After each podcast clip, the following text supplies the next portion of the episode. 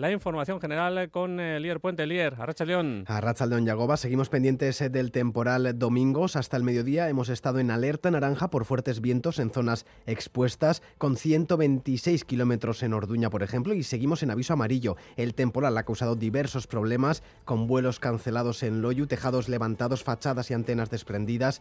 El Centro de Coordinación de Emergencias ha contabilizado 182 incidentes. a Turrioz.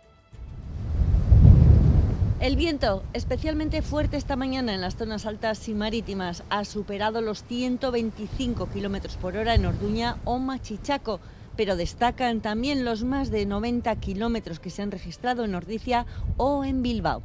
Las incidencias se cuentan por decenas. El viento deja caídas de árboles, cristales, material urbano. Un cartel del metro ha volado en Baracaldo y el viento es el causante también del desprendimiento de un trozo de balcón en Santurce. Afortunadamente, en ningún caso ha habido consecuencias graves. Y un día más las cancelaciones y retrasos se suceden en el aeropuerto de Loyu. El balance por el momento deja ocho vuelos cancelados y seis aviones con retraso. En la mar también. Seguimos con fuerte oleaje, olas de 4 y hasta 5 metros que esta noche y mañana volverán a alcanzar los 6 metros de altura.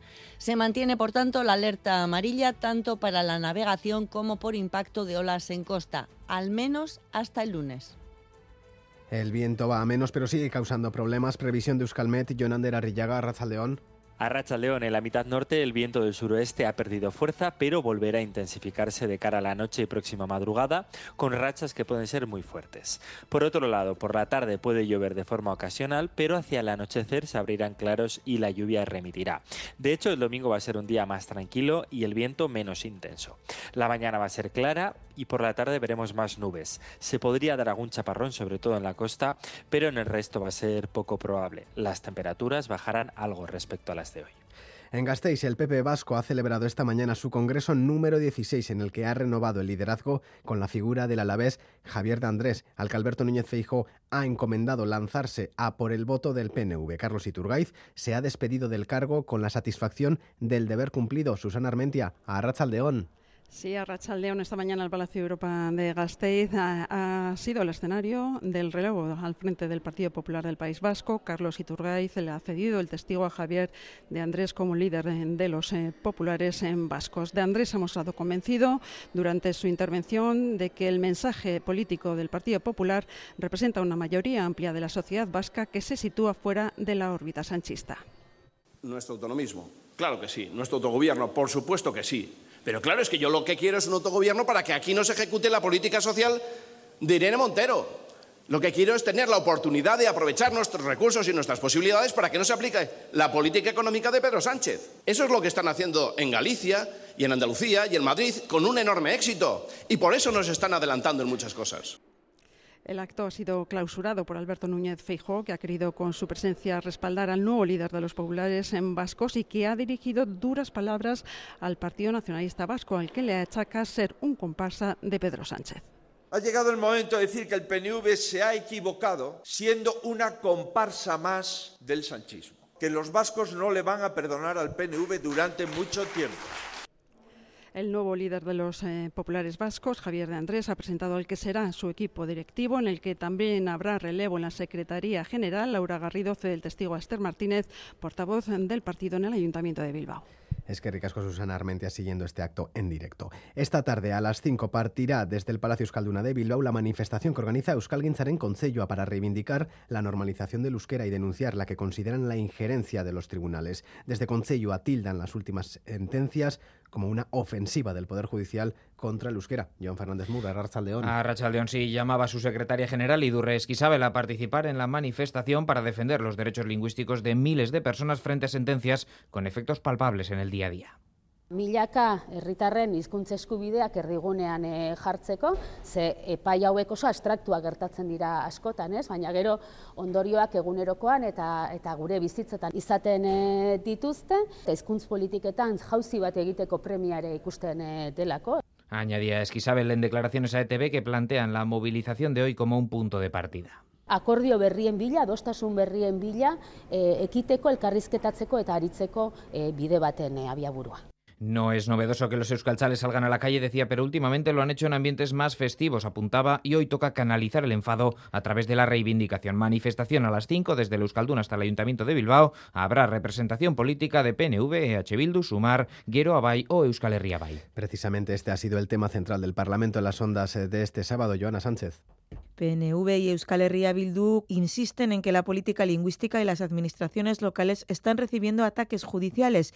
Maitane y Piñazar o Ana Echevarrieta. Se está utilizando por parte de algunos grupos políticos como arma arrojadiza. Los ataques son también contra la autonomía propia de los parlamentos que han creado estas leyes, de los propios ayuntamientos que están gestionando su propia política lingüística. Mientras PP y Ciudadanos acusan a los partidos nacionalistas de imponer el euskera era Carmelo Barrio, José Manuel Gil. Una manifestación en contra de los jueces. Unos partidos o algunos sindicatos que son expertos en buscar enemigos y articular elementos de presión para que no apliquen las leyes. Hay una campaña ofensiva de imposición del euskera por parte sobre todo de PNV y de Bildu. Y la manifestación de hoy no es nada más que una manifestación en contra de que haya ningún problema, aunque sea incluso judicial, frente a esa campaña ofensiva. PSE pide respeto a las decisiones judiciales y coincide con el Carrequín Podemos y en defender que la política lingüística no puede ser obstáculo para la estabilización de puestos de trabajo. Eka Enrico Íñigo Martínez. Si los jueces están sentenciando sobre temas que tienen que ver con el euskera, es porque algunas administraciones están aplicando mal las normas o las están incluso retorciendo. No es lo mismo la sentencia de la ley municipal con las sentencias laborales. Tenemos que dar la oportunidad a los trabajadores y trabajadoras a poder estudiar euskera y así no nos encontraremos con este problema dentro de unos años. Añade Íñigo Martínez que continúa siendo necesario el impulso de las políticas de promoción de la lengua. Y el consejero de Educación, Joaquín Bildarratz, ha organizado esta mañana un desayuno informativo con los medios para informar del estado en el que se encuentra la tramitación parlamentaria de la Ley de Educación. Bildarratz no entiende que H. Bildu se plantee no apoyar la ley por una enmienda en la exposición de motivos cuando comparte lo importante, dice, el articulado. Agustín Sarrenandia. Bildarratz ha asegurado no entender la posición de la formación Abertzale, ya que la enmienda introducida por PNV y PSE en el proyecto de ley no supone nada nuevo ha subrayado que no pone en cuestión la posibilidad de modificar los modelos lingüísticos, como se ha hecho durante años en función de las necesidades de las familias y de los centros para adaptarse a la realidad. ¿Cabe modificación? Por supuesto. Durante 40 años pues se ha desarrollado y se van a seguir desarrollando. Los centros los van a seguir adaptando y a nosotros, como gobierno, lo que nos interesa y tenemos que hacer es responder a las necesidades que tienen todos los días eh, los centros. Joaquín Bildarratz ha hecho un llamamiento a seguir negociando la ley de educación para conseguir el mayor consenso posible.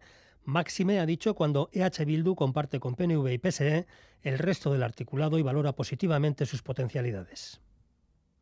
Y el PSE condena el ataque que sufrió anoche la sede de los socialistas en Donostia durante una movilización de GKS contra la masacre israelí en Gaza, en la que les acusaban de sionistas y cómplices. Una persona acabó detenida tras pasar delante del juez, ha quedado en libertad con cargos. En Andueza, secretario general del PSE. Fueron unos hechos lamentables que desde luego son absolutamente intolerables a la vez que antidemocráticos. Desde el Partido Socialista de Euskadi hago un llamamiento al resto de fuerzas políticas a que condenen tajantemente estos hechos. Y el eje Madrid-Bruselas sigue carburando. Continúa el intercambio de papeles en las negociaciones para la investidura de Pedro Sánchez, aunque más despacio de lo que al PSOE le gustaría. Aseguran que se ha avanzado y que las próximas horas, días, serán decisivas. Madrid, Nerea Sarriegui, Arrachaldeón.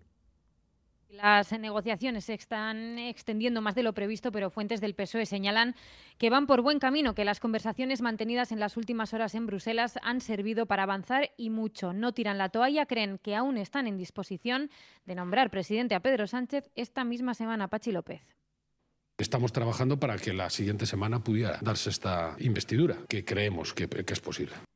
Hoy es el último día para que los militantes del PSOE participen en la consulta para validar o no las negociaciones de investidura. Conoceremos los resultados esta noche, pero Junts no tiene tanta prisa como los socialistas y tampoco tiene intención de soltar ya la cuerda. Quieren que la ley de amnistía pactada entre el PSOE y Esquerra muestre condiciones más claras, sea más amplia. La competencia entre Esquerra y Junts en este asunto es clara y en ese sentido, mensaje hoy de los republicanos a los de Puigdemont. Esta es Esther Capella, consejera de Territorio de la Generalitat una llei d'amnistia ben feta no porta noms. Reflecteix que la una solució ley de amnistía bien hecha no debe recoger nombres. En este stand-by la derecha intensifica su ofensiva contra la amnistía en todos los frentes, el judicial, el institucional y también en las calles. Tras la protesta ayer ante la sede de Ferraz, convocada en redes por la ultraderecha, ya hay un nuevo llamamiento para este lunes. Es que ricasco Nerea y la militancia de Podemos ha avalado mayoritariamente con un 86% de apoyos el documento político en el que reivindican su autonomía frente a Sumar y establecen como condición para llegar a acuerdos electorales celebrar primarias abiertas sin vetos. Yone Belarra ha dicho que ya vale de faltarles el respeto.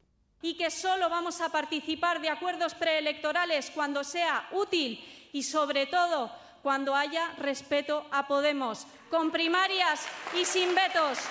Basta de faltarle el respeto a Podemos. Terminamos aquí, Yagoba. Más noticias a las 3. Geruarte.